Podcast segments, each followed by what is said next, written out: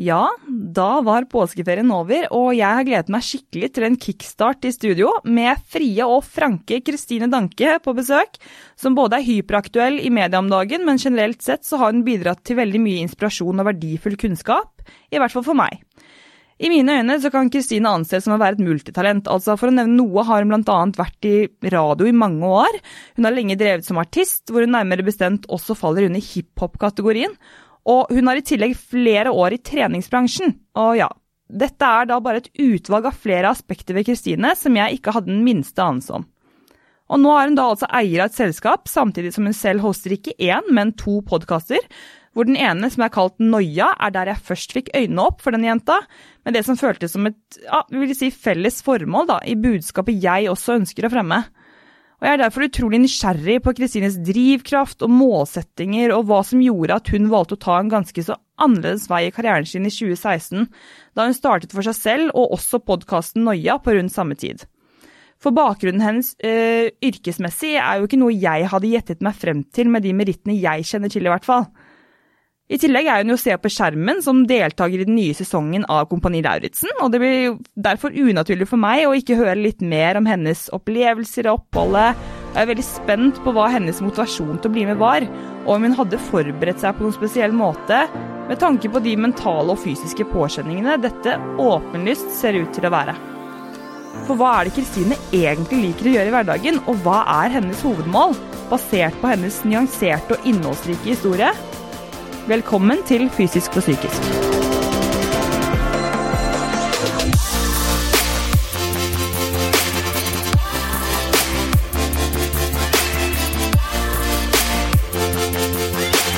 Jeg er så heldig å ha med meg tights.no på laget, som gir meg muligheten til å faktisk kunne lage denne podkasten, og det er jeg så utrolig glad for.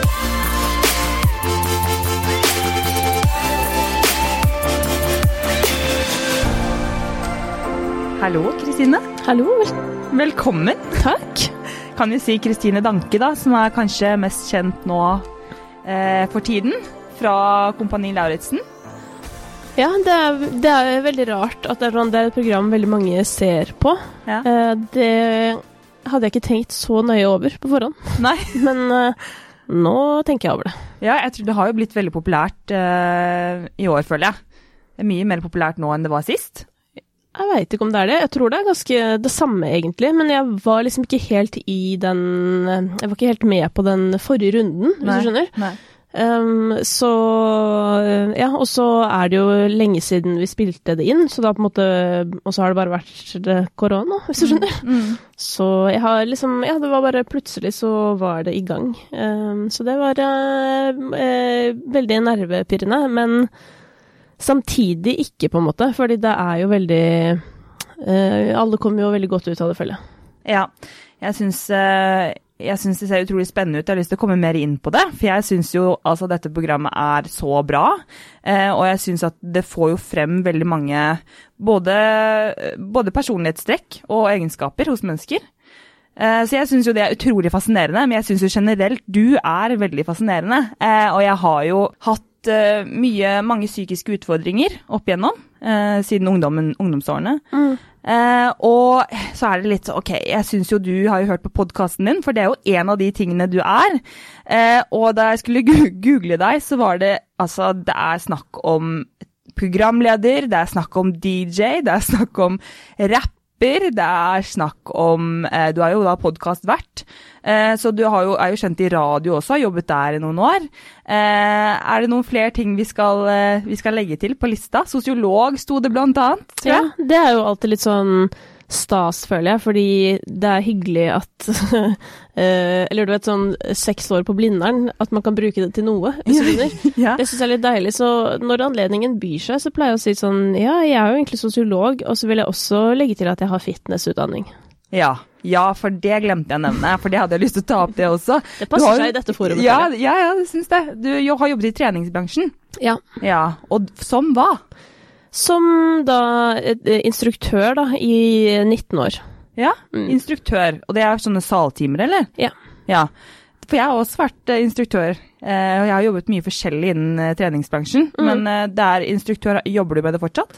Ja, jeg gjør Ja. egentlig det. Altså, Ja. Nå er jeg, er jeg jo forhindret eh, fra å jobbe med det, for Ja. å si det veldig mildt. Mm. Um, men, uh, men for et år siden, altså da dette skjedde, så hadde jeg masse sånn trening med vennene mine på Zoom. Mm. Uh, og så orka jeg egentlig ikke å starte igjen, fordi jeg mista litt treningsmotivasjonen.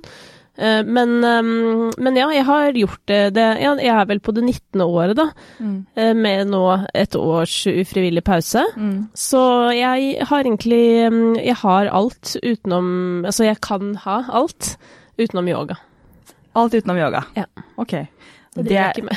det er kult. Ok, men det her, det her må jeg faktisk føle at eh, jeg har litt lyst til å komme på en av timene dine, bare fordi at jeg syns jo sånne ting er veldig gøy, Mm. å prøve ut sånne ting. Men det er det grunnen til at jeg har deg med. Altså? Her er det jo, kan jo velge utallige ting, men hovedgrunnen er jo litt det at jeg føler eh, podkasten eh, Noia, Mm. som er den ene podkasten du har. Du har jo starta opp en ny podkast nå også, Mm. som du plutselig driver parallelt. Eh, Kristine Danke og Noia, Mm. er det riktig? Det er riktig. Ja.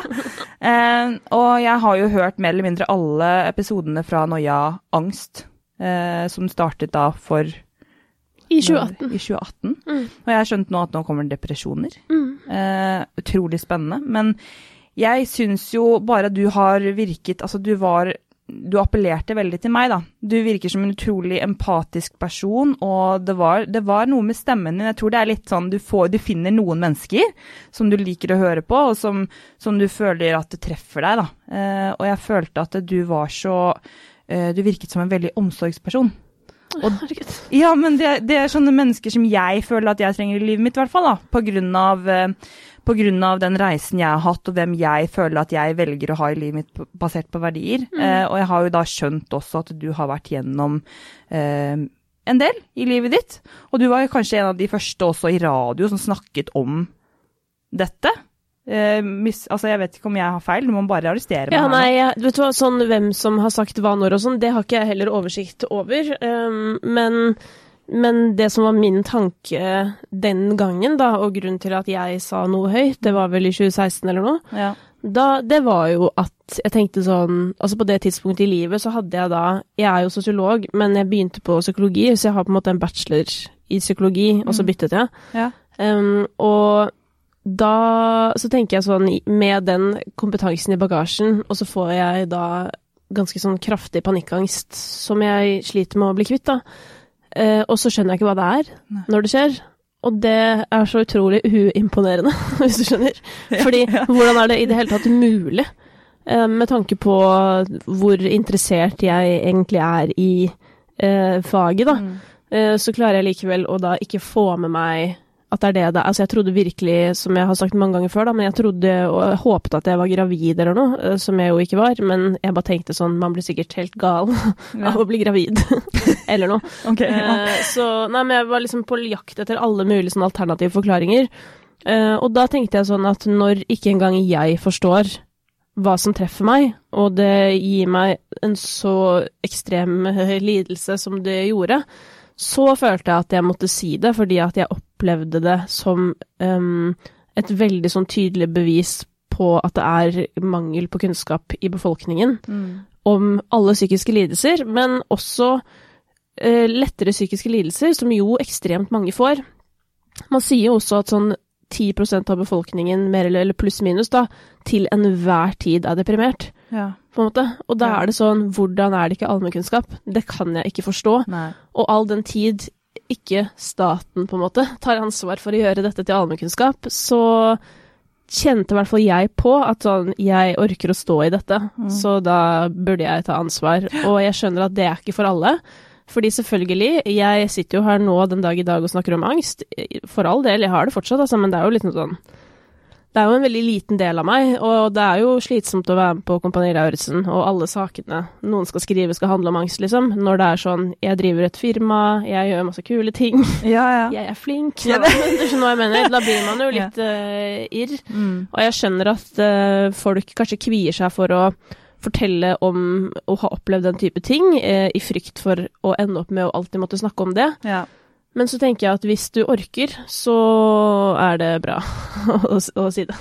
Oi, ja, det her du setter ord på veldig mange tanker og følelser jeg føler at jeg har, som har oppstått for meg. Mm. Eh, og det er veldig fint det du sier, for det er jo det jeg har også lyst til å snakke og, Altså hadde lyst til å spørre deg om først. Det er litt eh, Hva var hovedformålet da du startet med podkast? Eh, og det er det jeg føler er eh, veldig likt mellom oss, da. Mm. At jeg føler at det, i hvert fall det budskapet jeg ønsker å få frem, det er rett og slett at jeg har lyst til å ta ansvar og snakke høyt og åpent om eh, psykiske utfordringer.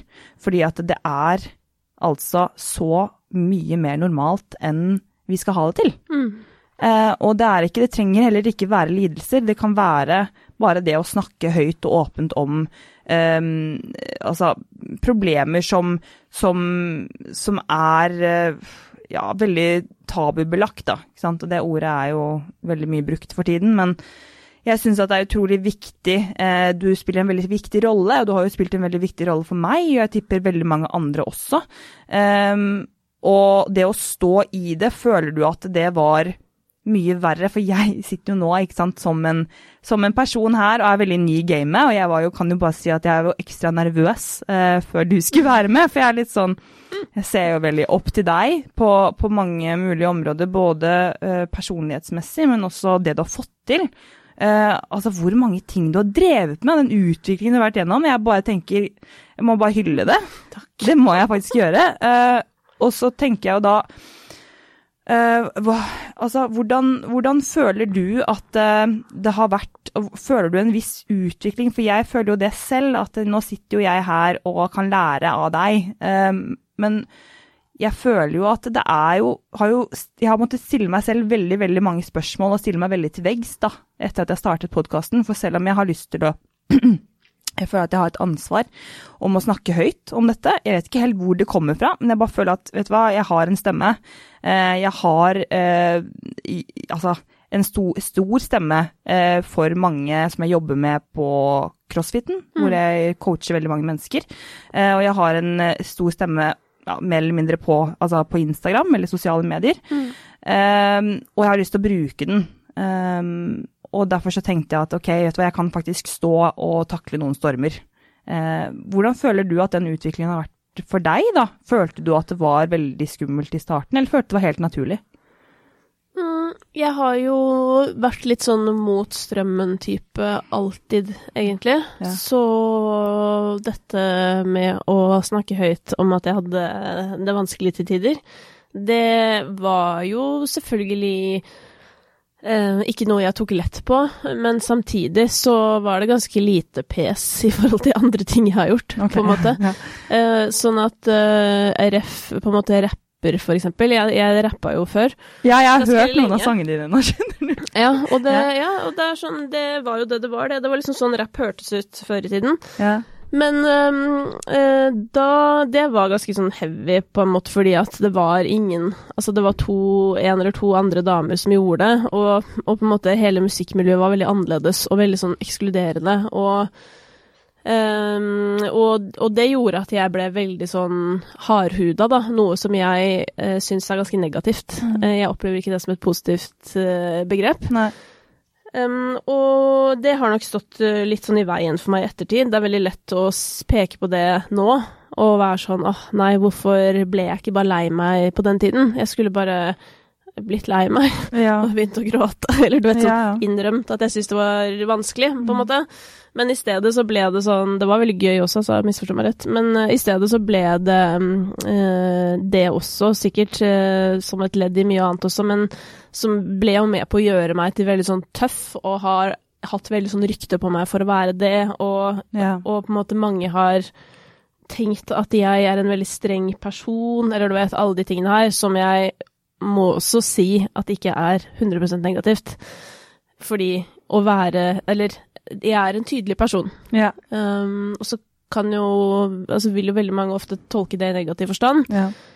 Jeg syns jo det er positivt, eh, og setter veldig mm. pris på å ha tydelige mennesker rundt meg. Mm. Men uh, jeg setter ikke så pris på at at jeg har blitt oppfattet som streng i negativ forstand, da. Men så skjønner jeg det på mange måter òg, nettopp fordi at jeg over veldig mange år lærte meg å liksom være veldig tøff, da, og også til og med det jeg var sosiolog, og jeg hadde tenkt å bli professor, Mm. og prøvde å, å gå den akademiske veien, og merka liksom sånn hvor, hvor utrolig sånn lite hyggelig det eh, kunne være. Ja.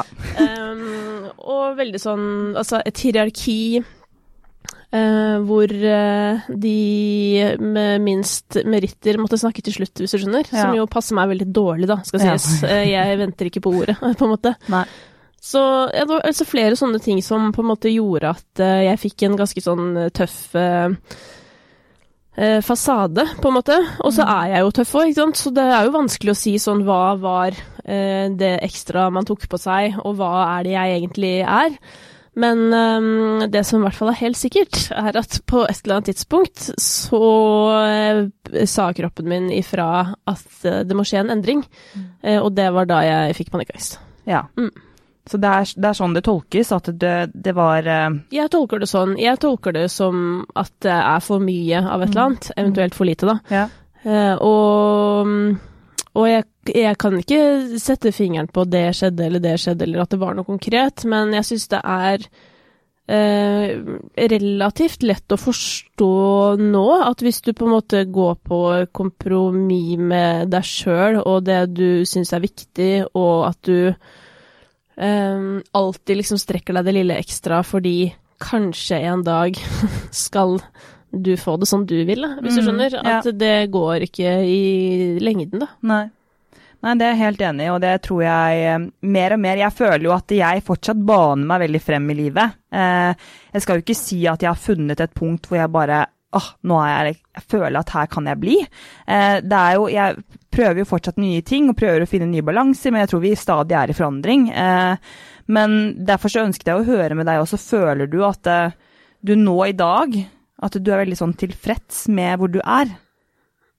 Det vil jeg si at jeg er, men Mm. det har jeg jo også på mange måter vært hele tiden, så jeg har kanskje blitt flinkere til å ehm, til å det, det typiske, kjenne etter, på en eller annen måte. Men samtidig, det som er litt viktig etter å ha hatt en opplevelse med mye angst, da, er jo å slutte å kjenne litt etter også. For det er jo veldig lett å finne den angsten hvis du leiter litt. Ja, ja.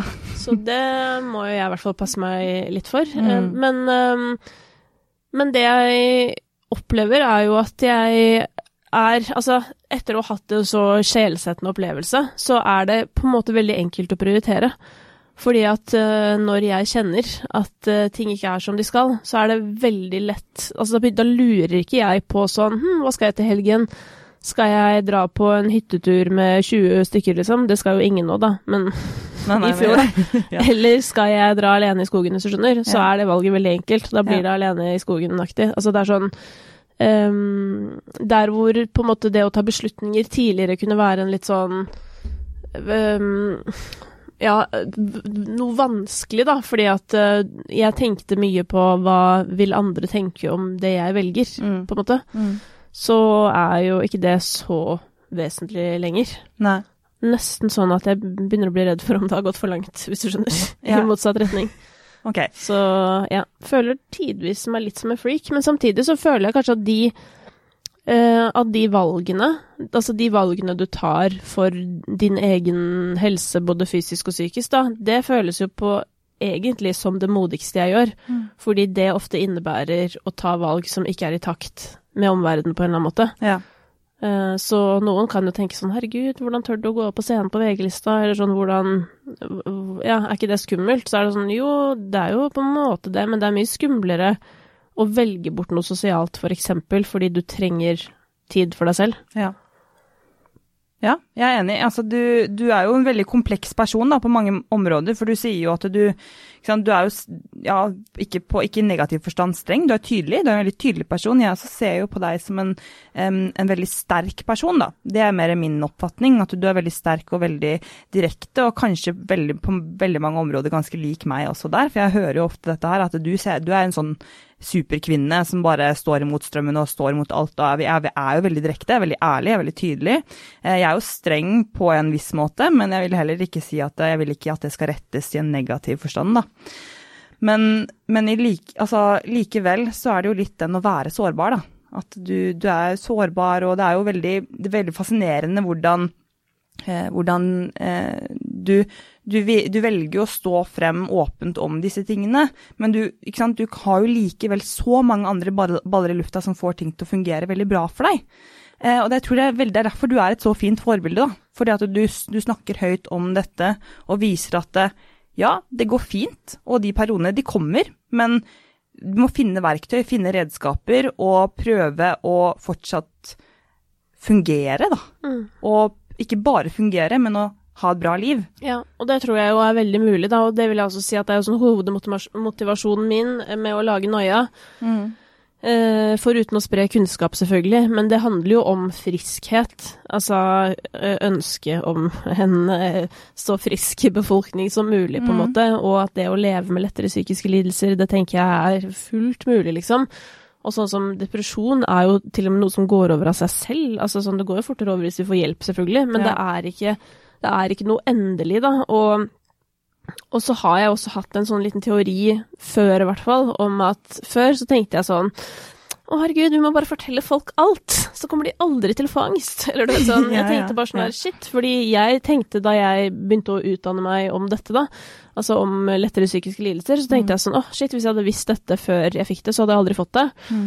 Men samtidig så tror jeg dessverre mennesker er såpass eh, late og dumme på akkurat dette, at jeg tror ikke det går an å ikke eh, oppleve det, da. Altså dessverre. Jeg tror liksom det er vanskelig Det ser man jo på alt. Mm. Det er ekstremt vanskelig å få til endring med mindre du syns det er jævlig gøy.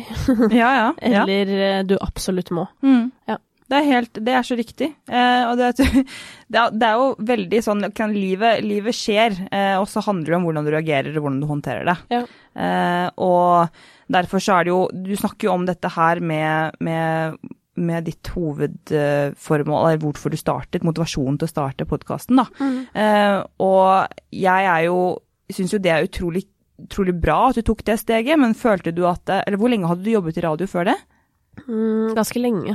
Ja? Jeg har jobbet i radio Ja, nå har jeg jo nylig slutta, da, men da, da hadde jeg jobbet i ti år i ti år. Mm. Ja, jeg synes, ikke sant, jeg, Når vi skal begynne å gjøre research på deg, jeg ville ikke gjøre for mye heller, for jeg ville, ville, ha en god samtale med deg og spørre deg om ting, for jeg er veldig nysgjerrig.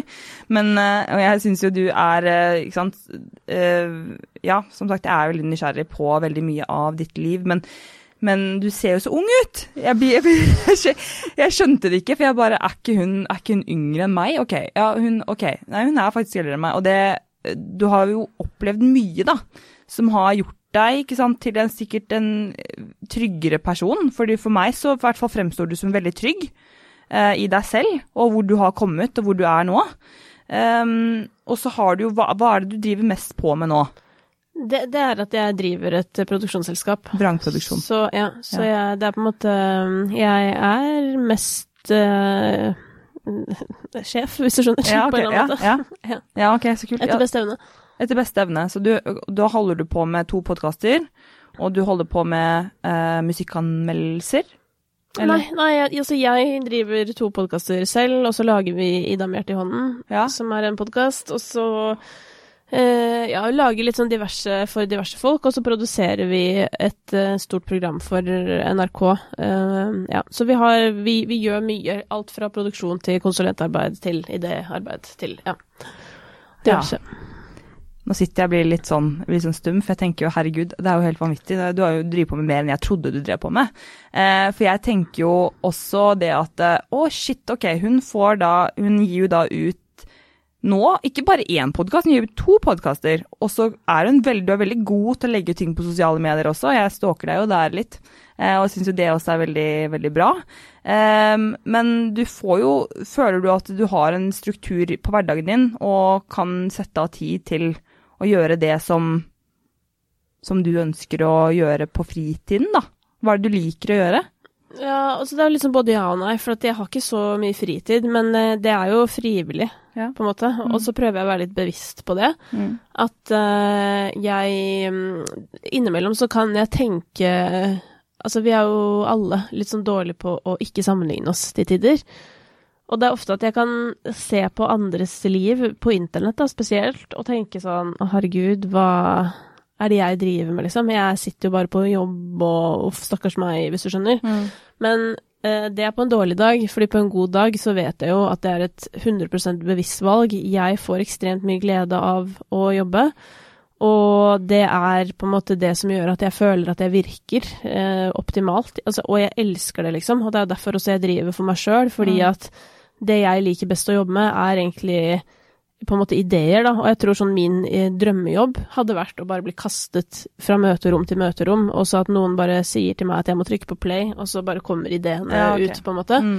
Jeg digger det, og det er jo derfor jeg også digga radio, for det er så kort vei fra idé til å gjennomføre, så man kan bare liksom finne på noe på morgenen, og så har man gjort det i løpet av dagen. Og så er det liksom gjort og testa og alt det der. Så ja, så jeg føler jo på en måte at jeg har nok fritid. Det, er jo sånn, det å drive for seg selv er jo på en måte en oppskrift til ubalanse. Og grunnen til det, selv om man skulle tro det var eh, oppskrift til balanse fordi du gjør som du vil, Mm. og det er jo derfor man tåler ubalansen. Fordi ubalansen handler om at du alltid eh, tar på deg for mye fordi du er redd for å ha for lite. Eh, sånn at Og sånn tror jeg det er, i hvert fall i en oppstartsperiode. Nå har jeg jo holdt på i uh, dette Jeg er inne i det fjerde året, da, uh, med selskapet, men Og det går veldig bra og alt det der, men det er jo fortsatt på et stadie hvor hvor uh, det er veldig sånn uvisst hvordan ser neste halvår ut-aktig, da. Og så blir man jo etter hvert som man er ansatte, så, så er jo sånn shit, det eneste jeg vil er jo at de skal ha jobb og Mm. Eh, tenke veldig mye på det, da. Og det er jo også sånn en sånn en ting jeg er veldig sånn takknemlig for at jeg har opplevd, fordi da jeg først starta for meg sjøl, så hadde jeg jo skikkelig panikkangst. Ja. Det var midt i den verste perioden. Og det var egentlig et grep for å prøve å gjøre noe med livet, Ja. fordi jeg hadde lyst til å fortsette med jobben min, men jeg følte ikke at det fungerte helt på den måten det var. Mm. Eh, Uten at jeg kan sette fingeren på hva det var, men jeg hadde sånn enormt behov for å liksom strukturere hverdagen min selv, og for å finne mine egne folk, og på en måte alliere meg med, med mennesker som hadde Som jeg kunne vekke den samme gløden i som jeg hadde, eller som hadde den fra før, da. Sånn at um, ja, Det var egentlig helt sjukt rart, så jeg tror ikke jeg egentlig forsto helt hva det innebar. Og så plutselig så begynte jeg å komme ut av uh, panikken, og så satt jeg der med selskap og ansatte og hele pakka, liksom. Eh, og det er også spennende nå, overgang fra å ha vært på radio hver eneste dag selv, til at nå eh, jobber jo ikke jeg i radio lenger. Så jeg er jo sånn sett på en måte mer Jeg har jo tid, eller mer eh, tid, som jeg selvfølgelig absolutt fyller opp med andre ting, så det er ikke det. Men, Ja. eh, men det å på en måte ha tid til å drive selskapet, fordi da jeg var på radio, så følte jeg nesten bare det var flaks at det uh, ordna seg, hvis okay, du skjønner. ja. For da var det jo på en måte radio hele dagen, og så var det firma hele kvelden. Ja. Mens nå jobber jeg fra ni til fem ish, liksom, og og rekker det jeg skal, da. Mm. Så, og vanligvis så trener jeg jo da midt på dagen, når det går an å gå på sats og sånt. Ja. Nå går jo ikke det, så nå har det sklidd ut. Men ja, så vanligvis så er jeg liksom egentlig veldig sånn fornøyd, men jeg prøver jo Men jeg liksom Jeg elsker å teste nye ting og, og føler jo at jeg lærer noe hele tiden, på en måte. Og sånn apropos det å være i endring, så er det sånn det liksom Mitt største mareritt er tanken på å ikke være i endring lenger. Nei. Det Jeg er vil jeg, enig. det vil jeg ikke. Eh, og det er jo eh, Du tenker jo at det kanskje var et, var et vendepunkt, da? Eh, hvor du bare Du vet ikke helt hva som skjedde, bare kom en sånn slags åpenbaring hvor du måtte ta, ta grep? Tror altså du panikken tenker du på? Ja. Eh, ja, det, jeg vil jo si at det er et før og etter det. Og det er jo på en måte sånn Jeg skulle jo veldig gjerne vært eh, foruten. Mm. Absolutt, men eh, samtidig så er det jo litt sånn Hvis det var det som måtte til for å få ting litt opp og gå på en eller annen måte, så var det jo verdt det. Ja. Eh, tenker jeg. Og så er jeg veldig opptatt av Selv om jeg ikke alltid er så flink til det i øyeblikket, så er jeg veldig opptatt av å finne det positive Eller jeg er opptatt av å finne mening i ting. Mm.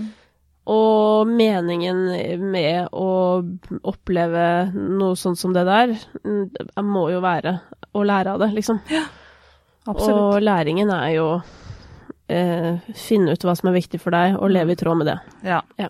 Eh, vi har jo hatt en episode med jeg vet ikke om du vet med Anniken Binds her, men om eh, verdier. Ja. Hun er jo mental coach Ja. og mentaltrener. Eh, og det handler jo mye om det. At det er litt den eh, At det, det er ikke sikkert man har skrevet ned verdiene sine, men hvis du ikke lever i tråd med det, så kjenner du at det er noe som skurrer, da. Du har en klump i magen, du kan kanskje ikke sette fingeren på hva, men det er jo tydelig at du da gjorde en endring som gjorde at du kanskje ga litt sånn slipp på den reaksjonen som var panikkangst. da. Mm. Eh, og jeg, jeg, tror også veldig på det at, eh, at, eh, alle psykiske lidelser er en slags reaksjon. Det er kroppens forsvarsmekanisme på noe som ikke er greit, eller noe som ikke er som det skal i ditt liv. Eh, og jeg tror jo at eh, det at du har i hvert fall funnet, funnet din vei nå, da, og, og, vet at det å akseptere at man er i stadig endring, og at det kan ta skifte vei hele tiden, men at du tok grep selv, det må, er jo utrolig bra. Mm. Ja, og det, jo, det, skal jo også sies at um, at uh, det var jo ikke noe jeg gjorde helt selv, på en måte. Jeg fikk jo hjelp til å håndtere situasjonen. Ja. Um, og det vil jeg jo absolutt anbefale. Det er jo um, som psykologen jeg jobber tett med, Karina Carl, pleier å si, mm så er det jo sånn jobben hennes hadde jo vært veldig lite meningsfull hvis ikke det hjalp å bruke psykologer, på en måte. Så de er jo der for en grunn. Så jeg er veldig sånn Det er jo det første jeg ville gjort hvis jeg hadde et problem. Ja. Og deretter ville jeg prøvd å ta litt frisk luft. ja. ja, frisk luft er ikke verst. Og det er jo, for det, det, er noe jeg hadde lyst til å komme inn på også. Litt den, ikke sant? Hvilke verktøy er det du bruker da, for å håndtere um, livet bedre. Og for, du har jo sikkert hatt, altså, lært deg mye. Du har jo gått til psykolog, som du sa. Og du vil jo tro at du har noen redskaper eller noen verktøy som du føler at du bruker da, eh, for å ha det bedre psykisk. Ja. Eh, vi hadde jo også Ole Petter Gjelle inne på besøk, som snakket mm. mye om hvordan hjernen fungerer i forhold til fysisk aktivitet. Mm. Uh, og jeg vet jo at du er mye sånn Du er mye ute og går på ski, blant annet. Du er jo blitt mye Altså, jeg ser jo ofte at du er ute i naturen og overnatter og så videre. Dødskult. Jeg skulle også ønske at jeg var litt sånn, men jeg er dessverre litt sånn Jeg prøver å komme meg mer og mer ut, men jeg er veldig innemenneske. Men er det liksom Er det en sånn uh, jeg si, slags frels, frelser uh, du har funnet? Det friluft uh, Ja, jeg vil si det, men jeg er jo veldig opptatt av å si at jeg forstår at det ikke er for alle. Mm. Uh, fordi at når folk er på sitt mest deprimerte, og noen kommer og forteller deg at du skal gå på trening, liksom, så skjønner jeg at det er veldig provoserende. Uh, så jeg er litt opptatt av kanskje hvordan vi snakker om det, mm. og har egentlig lært litt av det litt sånn klok av skade på det. For det er veldig fort gjort når du finner en ting du digger, så skal på en måte alle mm. uh, gjøre den tingen. Mm. Så jeg har prøvd å moderere meg litt på den der naturentusiasmen min, men samtidig, da, for å være litt eh, tydelig på den andre siden Ja, du er generelt tydelig, så det går bra. Så er jeg veldig opptatt av vitenskap. Ja. ja. Og det syns jeg ikke vi skal krangle på, Nei. rett og slett. Nei. Så all den tid forskning viser på en måte fysiske endringer i hjernen når du har vært ute i 20 minutter i naturen, mm. så syns jeg det er litt sånn hovent å ikke være villig til å teste det på en eller annen måte. Eller sånn Jeg skjønner at, uh, at det kan være vanskelig, og i perioder så er det vanskelig å, å, komme seg ut av døra i det hele tatt. Og da er jo første steg å sette seg i døråpningen, hvis du skjønner. Altså sånn, ja, ja. Man må jo begynne et sted, da. Ja. Men sånn, hvis du liksom orker å gå i butikken, på en måte, så kanskje orker du å prøve å være ute i 20 minutter, og kanskje er det Kanskje gjør du det, og så finner du ut at sånn Det her funker ikke for meg, og da er det jo, en, da er det jo greit, da, da funker det ikke for deg, men sånn rent vitenskapelig så er det en av de tingene som virkelig fungerer veldig godt på hjernen da, når det kommer til å noe, roe nervesystemet. Mm. Og det samme gjelder jo liksom med fysisk aktivitet, men der, altså fysisk aktivitet er jo faktisk å bevege seg. Det innebærer ikke nødvendigvis trening. Så det å gå ut i naturen, eventuelt også med en annen, da. Mm. Da jeg kaller jo Jeg har jo funnet opp da begrepet peak helse, som jeg kaller det. Det er også gruppetrening, mener jeg, da. Eh, ja. Bare at naturen er ikke der. Men der er jo musikken og på en måte eventuelt dansen til stede. Men ja, peak helse, det er jo da når du både er ute og får den effekten, Eh, og så beveger du deg, og så har du en god relasjon ved siden av deg. Og mm. da er jo på mange måter livet så bra det kan bli. Ja, for det er jo litt med relasjoner også, som er utrolig viktig, selvfølgelig. Ja. Um, Men der også har jeg lyst til å si at sånn at øh, Jeg opplever kanskje spesielt det med sånn internett. At det ser ut som alle andre har så mange venner, og Mm. ikke sant. At, at det er lett å føle seg um, på en måte verdiløs, da. Og det kan jeg også kjenne på, men der vil jeg bare si at sånn Det er én venn som gjelder, hvis du skjønner. Ja. Og det er så lett å glemme når det ser ut som alle andre har så mange venner. Mm. Jeg er helt enig. Eh, Det er jo det å ha venner, det er jo det i plenum, altså det å skulle ha flere venner, eh, det er jo litt den kvantitet over kvalitet-tankegangen som jeg er litt imot, eller veldig imot. Jeg er jo veldig for den med kvalitet i alt, alt du gjør, og både når det kommer til hvem du velger å ha nær deg i livet, da. Mm. og det er jo veldig fint Altså med fysisk aktivitet, som du nevner også, det er jo eh, Det har vi snakket om mye i podkasten tidligere også, om at det handler bare om å bevege seg. Jeg er veldig for det at jeg, jeg pusher ikke crossfit på folk. Eh, og i hvert fall ikke det nivået som jeg har trent på. Eh, det viktigste for meg er jo å prøve å prøve å snakke og få en kredibilitet, for jeg vet hvordan jeg ser ut, jeg vet hvordan jeg trener. Jeg vet at det er litt sånn ja, men det er lett for deg å si, type holdning til folk. Eh, men jeg mener jo helt oppriktig talt at jeg har bare vært gjennom veldig mange faser i livet. Jeg prøver fortsatt å bane min vei, som jeg sa til deg. Eh, og, men det jeg har funnet, sånn som i går, så kom jeg hjem fra hytta, vært på påskeferie, og jeg har jo beveget meg litt hver dag, gått på ski og gjort det ene og andre, fått en liten sånn bitte liten økt, eh, egenvektsøkt. Eh, Men så kom jeg hjem, og da hadde jeg vært rolig hele dagen, sittet i bil, jeg får jo vondt i rumpa av å sitte i bil.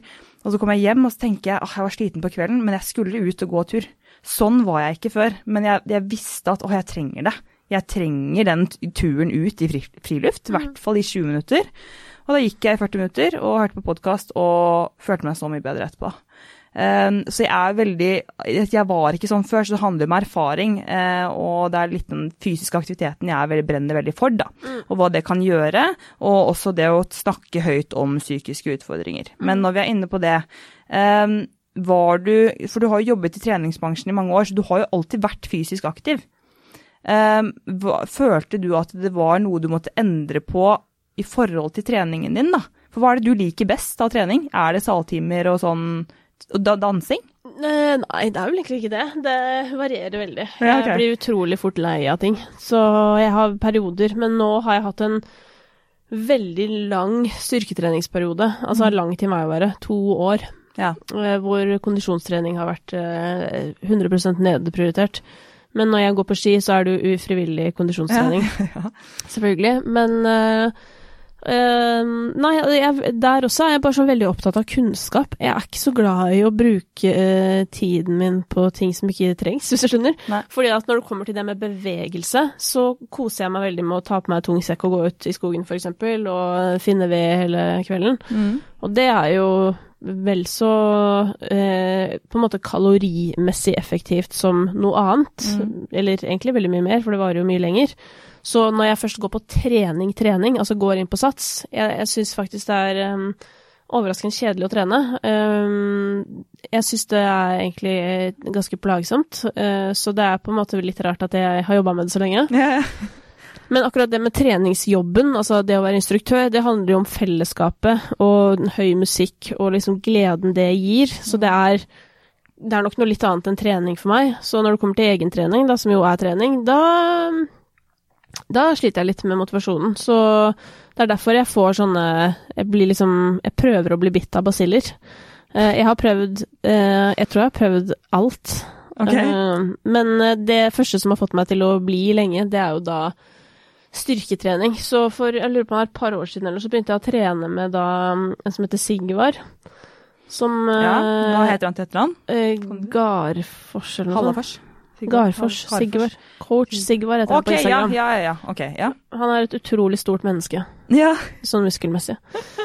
Så jeg husker jeg syntes det var veldig skummelt å møte han, ja. eh, fordi jeg tenkte sånn Ok, den er grei. Eh, men så Jeg digger jo sånn å bli god til ting, da. Mm. Så Og styrketrening er jo ikke så slitsomt. Og det syns jeg Altså, det er slitsomt, misforstå meg rett, men det er ikke så slitsomt i pusten. Nei. Og det forvirra meg veldig på starten. For Ja. at uh, jeg, er, jeg er sånn som trener Hvis jeg f.eks. har bestemt meg for at nå er det løping som gjelder, Da er det liksom løping til Blodslit, jeg ser liksom. stjerner Ja. og hele pakka, liksom. Fordi Ja. jeg har Og det tror jeg på en måte kanskje er det negative med å ikke like trening. At det er veldig fort gjort å tenke at det skal være jævlig. Mm. At det er sånn, ja, men trening er jo jævlig, så hvis ikke det var jævlig, så var det ikke trening. Så jeg måtte liksom virkelig lære meg til å ta det easy, da. Fordi at jeg fikk jo ikke eh, maks ut av styrketreningen. Fordi jeg drev jo, det skulle jo gå så fort, og jeg skulle komme så høyt opp i puls, og det var ikke måte på hvordan det skulle ja, ja. gå unna. Og han bare, guda meg, nå må vi Ja, roe oss helt ned. Og hele liksom vår første periode handlet vel egentlig om at jeg bare måtte roe meg helt ned. Ja. Um, så um, Ja, så, nei, så jeg fikk Jeg føler jeg hadde en sånn god greie. Jeg ble jævlig god i pushups og Altså veldig god. Det er, mitt, det er talentet mitt. ja, okay. Så jeg er veldig glad i å snakke om det.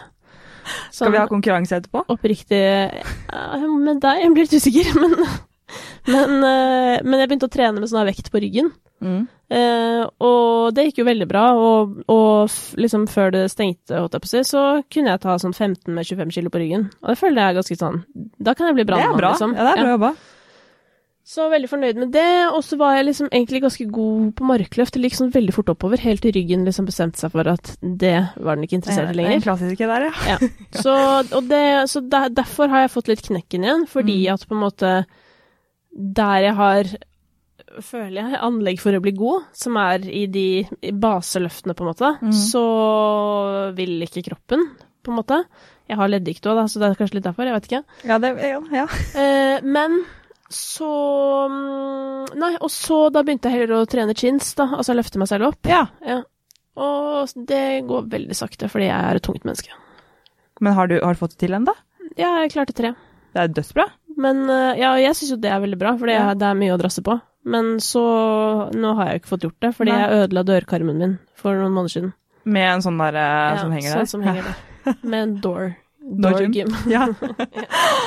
ok, ja, men det er jo Ok, så du er veldig Du liker å jobbe målrettet, da, når det kommer ja, til jeg må nesten det. Altså sånn, selv om selv om jeg syns det å på en måte, som sagt, trene midt på dagen, midt i en arbeidsdag, da, det er jo bare et rituale.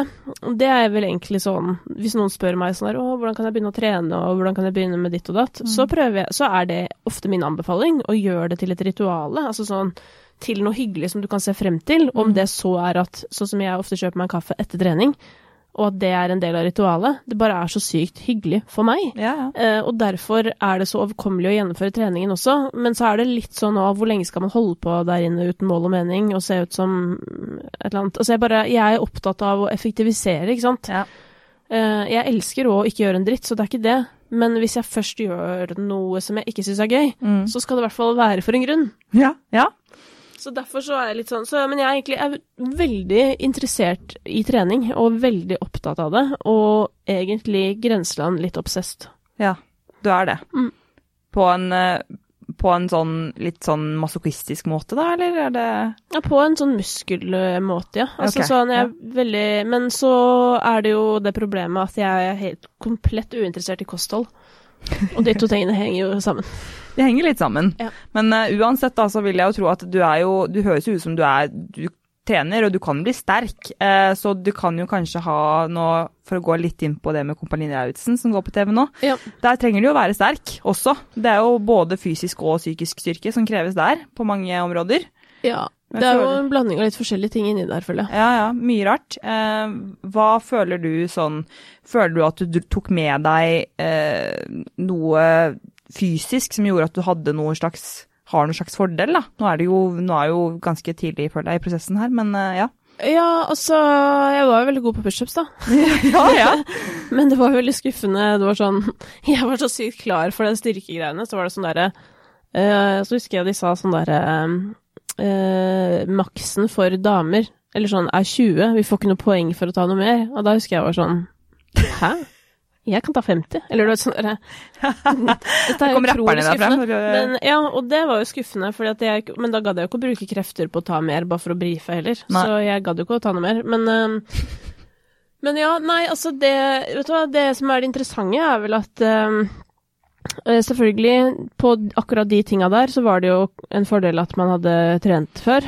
Men ellers så vil jeg ikke si at det hadde sånn supermye å si og Eller det er vanskelig å si, for jeg føler alle som var der, var ganske godt trent. Mm. Med noen veldig få unntak. Um, så det er litt vanskelig å si om det var verdt det eller ikke, hvis du skjønner, å være sterk Nei. der. Uh, jeg trente personlig ikke noe fordi jeg skulle dit. Jeg bare tenkte at jeg vet jo at jeg har styrke, så det var, var da noe. Mm. Men det jeg tror var det beste jeg hadde, eh, å komme inn der med, det er jo nettopp de opplevelsene jeg har hatt i livet tidligere. Så um, Jeg vet ikke om det har kommet så veldig tydelig frem, men min motivasjon for å være med på det programmet var at jeg er veldig uh, Jeg har jo ikke noe prestasjonsangst. Nei? Men uh, jeg har uh, Jeg har ikke sosial angst heller, men jeg er veldig redd for å ikke bli likt i privatlivet. Og det er jo en veldig rar ting å teste på TV, selvfølgelig.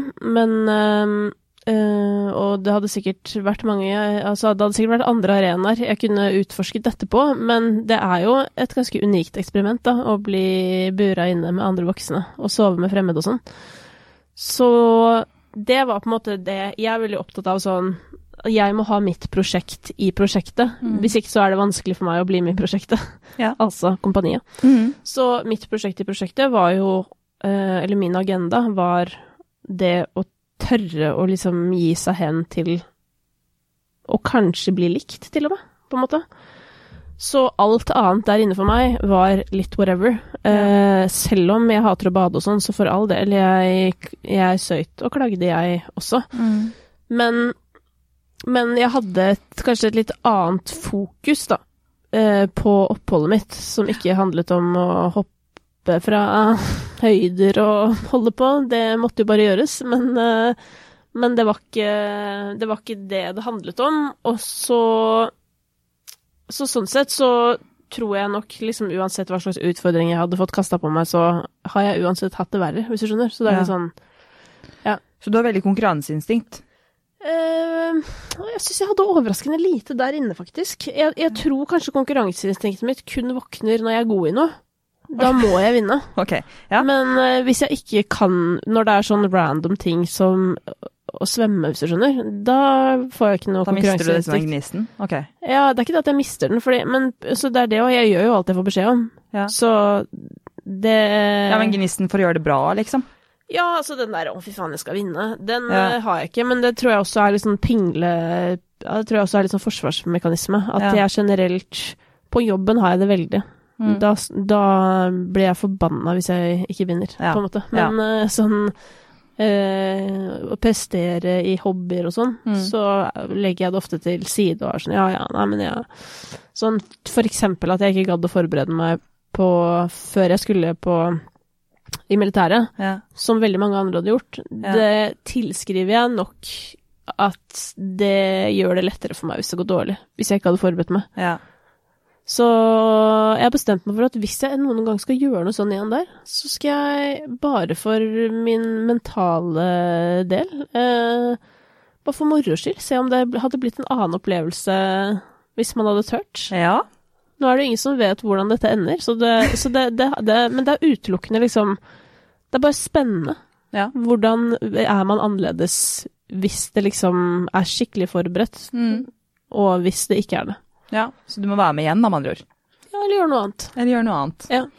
Kan du finne på en eller annen utfordring til deg eh, på, annen, på et eller annet område, vil jeg Men anta. det, som, ja, men det som var en fordel å ha med seg inn, er at jeg er en seig jævel. Ja, du er seig. Ja. Du er Jeg har seig. gått, gått mye og lenge med tungtrykk. Ja. Mm. Så det, det merker jeg jo også på deg. Jeg ser jo det at du er veldig seig. Eh, og så så jeg jo også at du hadde jo litt frykt for vann, eller for å bade. Jeg vet ikke om det er vann eller Ja, det er det kalde vannet. Altså, Kaldt vann. Det er ikke bading i seg selv. Nei, for det er veldig fort gjort å få sånn altså, eh, hyperventilering når Ja, du er jeg har i kampen. prøvd Altså, tingen er at eh, jeg prøvde faktisk i sommer å Ja. bade i Nord-Norge. Ja. Eh, for jeg visste jo at jeg måtte bade på de greiene her. Så var det sånn, ok, men det kan jeg prøve, da. Bare prøve å bade. For jeg har Mm. prøvd det så mange ganger i kaldt vann, men jeg får det ikke til. Men da stakk jeg liksom igjen foten uti, og så stivner hele benet oppover. Ja. Og da Det er en så ekkel følelse. Ja. Men trikset som jeg gjorde da jeg dykka på kompani, ja. var at jeg tok på sokker. Oi. Så det kan anbefales. Det gjorde en stor forskjell for meg. Ja, det kan jeg tenke meg. Det kan jeg absolutt tenke meg, fordi det er jo veldig kilde til um, både hender og føtter. Mm. Veldig kilde til både kulde og varme, og hvordan det spres i kroppen. Mm. Bra tips. Jeg tenker at, men jeg, så tenker jo i forhold til, eh, som du sier, du er jo seig, og Men veldig interessant det du sier med at det var kanskje mer frykten for hvordan du ble likt, da, av de andre deltakerne, hvis jeg forsto det riktig? Mm. Ja. Hvordan følte du Altså, er dere veldig sånn tett Er det akkurat sånn som du ser på TV? Jeg vil jo anta at det er veldig mye som blir klippet på veldig mange områder. Jeg føler kanskje det er nærere enn det ser ut på TV. Du tror det? Ja, jeg opplevde det liksom At det ser litt, kanskje litt sånn kaldt ut i forhold til Nei, hva det er? nei, jeg syns ikke det ser kaldt ut i det hele tatt, men Nei. det var en oppriktig veldig nær stemning Ja. med alle, på en måte. Og mange på en måte går jo i kjelleren, og det er jo bare plass til ett sammenbrudd i hvert program, hvis du skjønner. Og det, tro meg, det var flere. Uh, så det er jo um, Jeg opplevde, opplevde det som veldig fint, det å kunne være der for andre, og jeg opplevde det liksom veldig chill å være meg sjøl, på en måte. Ja.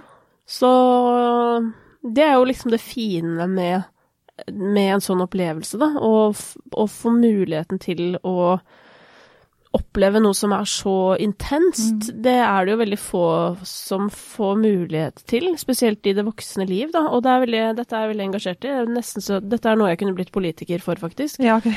Men det er at um, at uh, kvinner ofte ikke får oppleve uh, Altså, nå gjelder jo det for så vidt mange menn nå, for det er jo ikke så mange som er i militæret, men den der, det unike fellesskapet og den connection som er bare helt sånn rå, på en måte, den opplever jeg kanskje ikke at kvinner har i like stor grad som menn.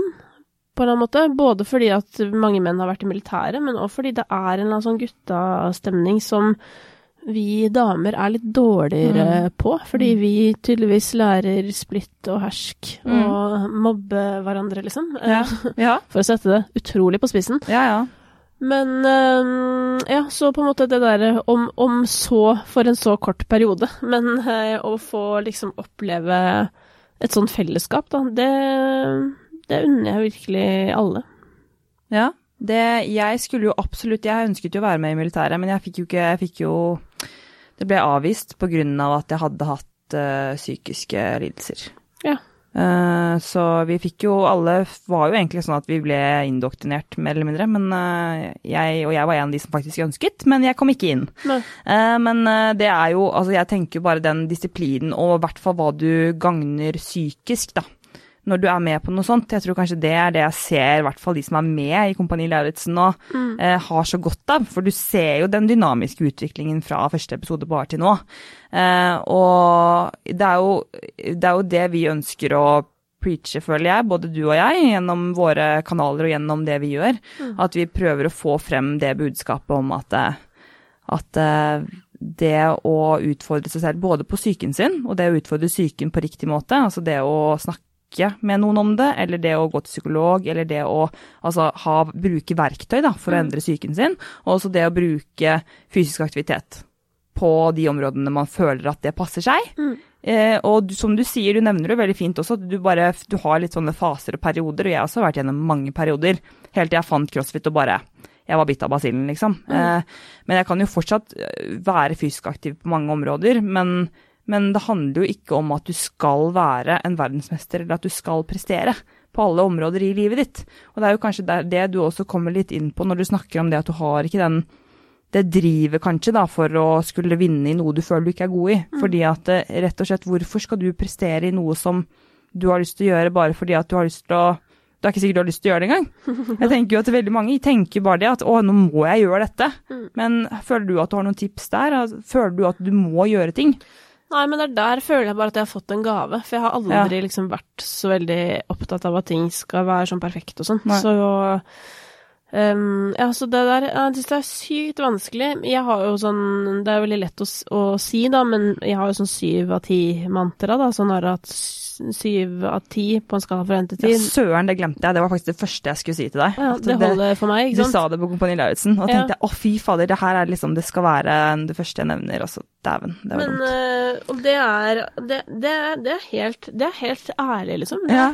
jeg, har, jeg har det så godt med det, liksom. Jeg, jeg, og jeg er litt opptatt av Jeg har vært egentlig litt sånn opptatt av å si at jeg ikke har prestasjonsangst, fordi det er så lett å tenke at, at angst betyr at man har alle angster, på en måte. Ja. Men jeg har ikke et Jeg har, jeg har det ikke litt engang, på en måte. Sånn i det hele tatt. Sånn at det sikkert høres litt kvalmt ut, på en måte. Men grunnen til at jeg ikke har prestasjonsangst, er jo fordi at jeg ikke er redd for å ikke være best. Eh, og så er det selvfølgelig visse felt jeg har lyst til å være best i. Men så lenge jeg er liksom ganske god, så er det godt nok. Og så er det selvfølgelig en sorg i at jeg aldri ble best i noe, Mm. på en måte. For det hadde vært jævlig fett å være faktisk best i en ting. Mm. Men sånn, sånn ble det ikke, på en måte. Jeg er ikke best i noe, men jeg er ganske god i ganske mye. Det er jo en, jeg syns det er en veldig kul mantra. Det var jo derfor jeg skrev det ned. Og bare, Herregud, her må jeg ta opp med deg. fordi at jeg er jo sant, den som føler at jeg må lære meg at alt ikke skal være ti av ti. For det er litt sånn familie jeg har levd Altså veldig sånn vært fasade, på en måte. At det er veldig viktig. Um, så, og jeg er jo egentlig jeg er en veldig sterk person. Veldig sterk personlighet. Men jeg er også veldig um, Altså, jeg er veldig perfeksjonist på veldig mange områder. Um, hvor jeg ønsker at ting skal være bra, men jeg er egentlig ganske lite høytidelig. På veldig mange områder også. Eh, så den kombinasjonen har vært så vanskelig å finne ut av. Og så har det også vært et sånt spill mellom etter at jeg fikk eh, anoreksi og alt som fulgte deretter, at det har vært veldig sånn ok, men nå har jeg vært flink pike, nå må jeg jobbe stikk motsatt, hvis ikke så anses jeg som ufrisk. Skjønner du? At det har måttet, jeg har jobbet helt imot hvem jeg egentlig er, da, som ikke er helt riktig heller. Men som du sier, at det kanskje er av din natur, at du føler at det er bra nok. Og jeg føler jo at flere burde kanskje prøve å befinne seg litt mer på den skalaen hvor syv og ti er, er bra nok, eh, og ikke alltid skulle være ti av ti, for da brenner det jo lys i begge ender. Ikke Ja, sant? altså, jeg, jeg, det var aldri bra nok før jeg fikk sekser på hele skolen, hvis Nei, du skjønner. Så jeg nei. vet egentlig ikke når dette har skjedd. Nei. Men jeg tror det handler kanskje litt det der om å generelt ha flere ben å stå på, da. Ja. Og at eh, jeg, jeg er jo et sånt menneske som ikke forstår at det går an å kjede seg, for eksempel. Fordi Nei. at sånn Eller jeg har, jeg har så mange ting jeg har lyst til å gjøre, så jeg blir helt sånn Hæ, herregud. Okay, okay. Hva er det du snakker om? Uh, og så sånn, jeg har på en måte så mange urealiserte tanker og, og ideer, og så har jeg lyst til å få til mest mulig av det. Og hvis du skal på en måte få det til, så kan du ikke sitte med en av de til er ti av ti. Så jeg tror nesten det på en eller annen måte bare er en liksom, konsekvens av um, av uh, hvordan jeg er, da. Og så er det jo òg det derre um, men ja, det er, nei, det er litt sånn rart. Men det skal òg sies at sånn min største drivkraft er jo en veldig eh, trist en, uh, som handler om at jeg prøver å bevise noe for noen. Altså jeg prøver å bevise at jeg er flink, Mm. fordi jeg tror at eh, andre ikke syns det. Så Og det er jo litt sånn stusslig, egentlig. Sånn utrolig stusslig motivasjon. At du driver og holder på fordi du skal prøve å bevise for noen at du er god nok. Som om noen bryr seg. Mm. Ingen bryr seg om det.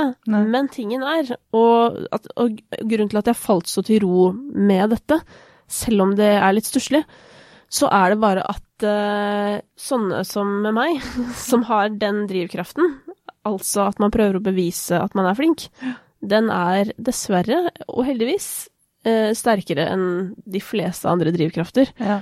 Og, og den kommer til å liksom sørge for at jeg alltid jobber hardt, da. Mm. Og det er jeg heller ikke i tvil om, og derfor er det òg lettere å på en måte sånn OK, det her ble ganske bra. Ja. Det er konge. Ja. Eh, og så er det greit. Mm. Ja.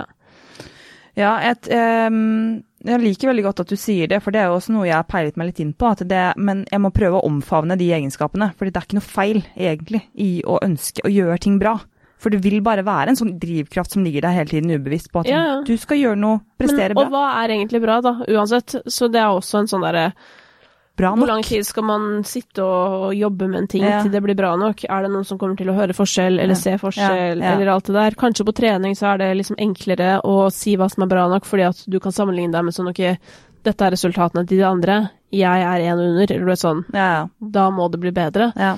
Det føler jeg er noe annet, men da tenker jeg òg at det er viktig å klare å se på det som nettopp det, at det er idrett, eller sånn, det er den tingen du driver med, det er ikke, det er ikke deg, på en måte. Det er ikke identiteten din, da. Nei, det er, men det er noe du driver med, og Mm. selvfølgelig, det er jo fett å sette seg mål, men det blir jo litt sånn, skal jeg måle min egenverdi i omsetningen på selskapet? Jeg kan jo ikke det, det har Nei. ikke noe med meg som person å gjøre, men det har kanskje noe med meg som bedriftseier å gjøre. Ja, ja. Ja. Ja. Men det er jeg enig i. Og det- Men det er jo litt det, det at uh, uansett hva du driver på med, uh, så føler jeg at ok, hvis du har lyst til å bli best i noe, selvfølgelig, da må du, må du prøve å strekke deg på den siste prosenten Ja. uh, og være ti av ti.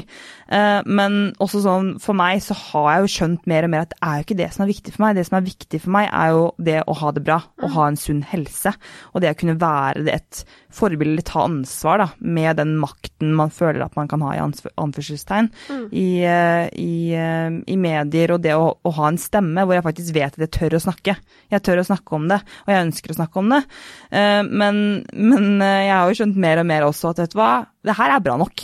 At jeg ikke alltid må pike, at ikke alltid liksom, lyden må være perfekt, f.eks. her i studio. Da, at jeg begynner, å, jeg begynner å skjønne at den utviklingen her fra bare jeg startet første episode her, og nå er vi på episode 15 eller noe sånt, at eh, det er jo bare til nå at det er en veldig stor eh, utvikling. Og det tror jeg kanskje, jeg vet ikke, det skjedde et eller annet på veien der også. Eh, og det kanskje er mye i bare prat med dialog med andre mennesker. Da. Og det å få, få flere verktøy og funnet ut at å, det er noen ting jeg har brukt som virkelig har tatt med meg videre. Um, og vi pleier jo også å gi å gi utfordringer. De gjestene som er her, pleier å gi utfordringer til eh, lytterne. Eh, og de pleier jo jeg også å ta med meg, og jeg gir utfordringer jeg også. Men føler du at du har noen sånn utfordring som du kan tenke deg å gi til eh, lytterne, som kan forbedre livet deres eller hverdagen deres? Du har jo mye kunnskap å by på, så det er bare litt at du må velge, velge mellom alt. Om det skal være vitenskapelig, eller om det skal være noe i forhold til treningssaltimer eller zumba, eller Nei, uff, det her syns jeg er vanskelig, men, øh, men øh, siden du sa trening nå, så en ting som jeg pleier å øh, gjøre Eller sånn jeg pleier å si til eh, folk, da, er jo på en måte sånn For de færreste liker jo å trene, eh, dessverre. Ja. Eh, og det er jo liksom litt dette her med å, å gjøre det beste ut av det, eh, og få mest mulig ut av det og sånn. Og det er Mm. litt sånn, før så trodde jeg, tenkte jeg sånn, å, ja, jeg kan ta 50 pushups da, la oss holde på med det, og så bare, fy faen, det tar lang tid, ass. Ja. Og det er jo ekstremt belastende å holde på sånn så lenge, for eksempel, da. Ja. Og det å på en måte kanskje sette seg litt inn i eh, å avansere eh, for å spare tid, egentlig, Mm. eh, det er jeg veldig tilhenger av, da. Så for eksempel når jeg har saltimer, og jeg ser at noen av medlemmene er utrolig gode pushups, for eksempel, så går jeg alltid og henter vektskiver og slenger på ryggen deres. Jeg sier ifra, da, men bare sånn Ja, ja. og det er jo ganske sjokkerende, for jeg husker òg jeg trente I sommer så trente jeg med en eh, veldig sprek artist uh, i forbindelse med noe greier vi var på sammen, uh, og vedkommende hadde aldri trent med vekt på ryggen, Nei. Uh, men er veldig sterk, Ja. og det var rett på 15 kilo. Og det gikk helt fint å ta 15 repetisjoner, på en måte. Ja. Så ehm, jeg, jeg syns det er litt gøy det her med å bli sterkere, da. Og spesielt liksom for Ja, dette vet du sikkert også mye om, da, men det er så mange damer, kanskje ikke i crossfit-miljøet, da, men på treningssenter, som er veldig sånn her Å nei. Uh, nei, jeg vil ikke liksom trene med vekter og sånn, og mm. nei, vil, ja, sånn der, og det er bare sånn Hallo, dere skal se hvor mye vekter jeg trener med, og ser det ut som eller sånn Hva? Nå er det jo ingen som vet hvordan jeg ser ut, for jeg går alltid med store klær, da. Men, men eh, for det første så er det jo ganske hot med muskler, og for det andre så skal det ganske mye til for å se ut sånn som du gjør. Altså eh, Ikke for å gjøre det uoppnåelig, Nei, nei, men, men ja. eh, det er jo en lang vei dit, og det handler om mer enn bare trening, da. Mm. Så, og jeg syns det er motiverende å, å bli sterk eh, på sin måte. Og så blir det sånn jeg har pushups, det er min ting, andre Mm. har kanskje andre ting. Mm. Men, men det derre å prøve å liksom finne noe mer, da. Altså noe som kan motivere. Og for meg så er det det. Og, og på en måte å komme med sånn Ja, men jeg har ikke ditt, og jeg har ikke datt, og det er korona, og bla, bla, bla. Ja, da er det sånn ta en sekk. Ja. Fyll en vannflaske og sleng den i sekken, og se Ja. hvordan det går. Ta den Ja. på det. Ja. Hva er utfordringen da? Å legge til vekt i hverdagen? Ta pushups med sekk. Pushups med sekk. Putte oppi bøker eller eh, vannflasker. Pushups med sekk, OK? Push Og hvis du er jævlig sterk, så må du ta tursekken. OK. Og fylle opp i enda mer. Ja, det kan du fylle opp i hvis man har turutstyr.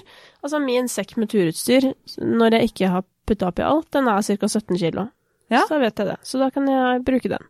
Ja, rått. Ja, du er jo sterk, og det er jo eh, til motivasjon, både du og Kompani Lauritzen, i forhold til den utfordringen her, at det er jo Det jeg også liker med pushups, er at det, det går ganske fort fremover.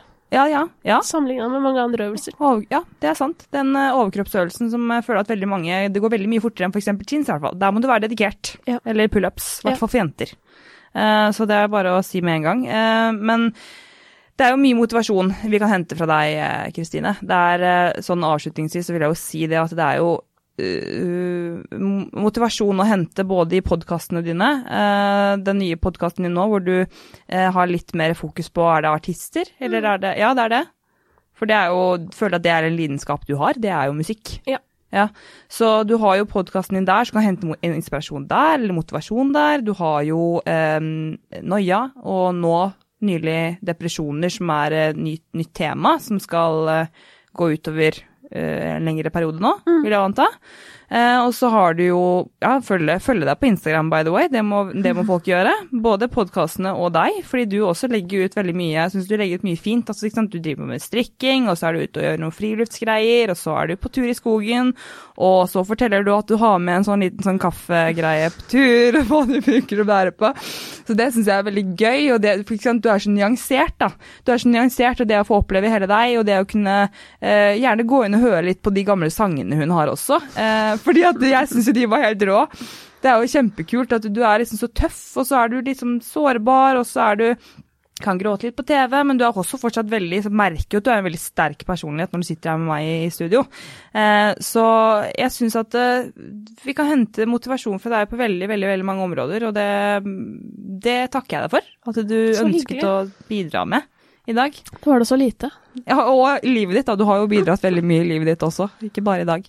Eh, så tenker jeg ja, da tenker jeg at vi kan eh, snart eh, sette på pause på podden. Og hva skal du gjøre videre i dag? Jeg skal Ja, hva skal jeg? Jeg må lage en god middag, da. Ja. Ja. Hva er favorittmaten? Det er pasta. Pasta? Mm. Oh, det er, veldig mange har pasta. Jeg er ikke så glad i pasta, faktisk. Nei, det er jo sjukt å melde. Det er helt vilt. Jeg skjønner folk som ikke liker smågodt og pasta. Det stiller jeg meg kritisk til. smågodt, smågodt seriøst, det kan jeg spise seriøst én kilo lett. Jeg skjønner ikke folk som sier at de ikke kan gjøre det, fordi det er lett. Ja. Uh, men eh, der, der kan jeg stille meg bak. Men jeg tror pasta handler litt mer om sånn magegreier. Men nå skal ikke jeg uh, gå mer inn på det. Det er bare Det kan vi ta i en annen episode.